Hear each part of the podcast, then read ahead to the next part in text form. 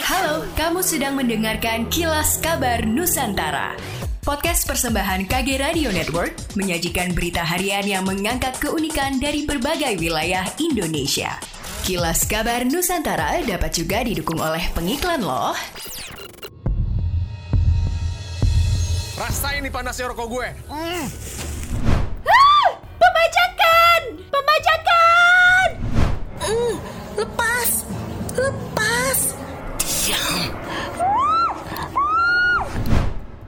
Dengarkan podcast Tinggal Nama setiap hari Selasa dan Kamis. Persembahan video podcast network by KG Media hanya di Spotify.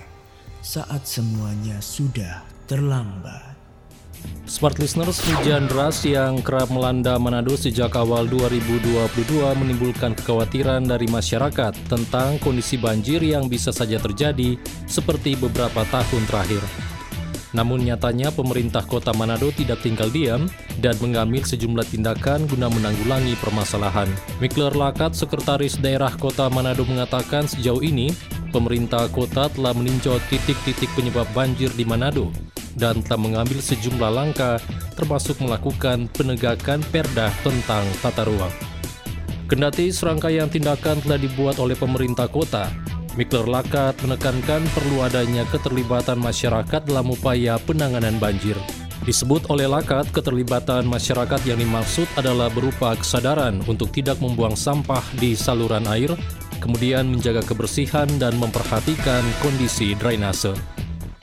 Menteri Keuangan Sri Mulyani Indrawati mengungkapkan Indonesia kini harus mewaspadai lonjakan inflasi dunia terutama di negara-negara maju. Seperti inflasi di Amerika Serikat yang telah menembus di angka 7,5 persen pada Februari ini.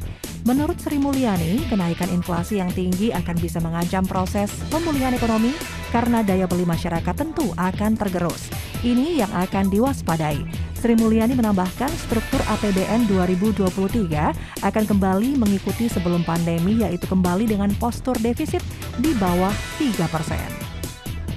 Kantor Wilayah Direktorat Jenderal Kekayaan Negara DJKN Wilayah Sulawesi Selatan, Tenggara, dan Barat, Sulsel Trabar menggelar pencanangan pembangunan zona integritas menuju wilayah bebas dari korupsi atau WBK dan wilayah birokrasi bersih dan melayani WBBM. Kepala Kanwil DJKN Sulsel Trabar EKS Sukadana menjelaskan kegiatan tersebut merupakan upaya meningkatkan pelayanan kepada publik dengan berbasis integritas.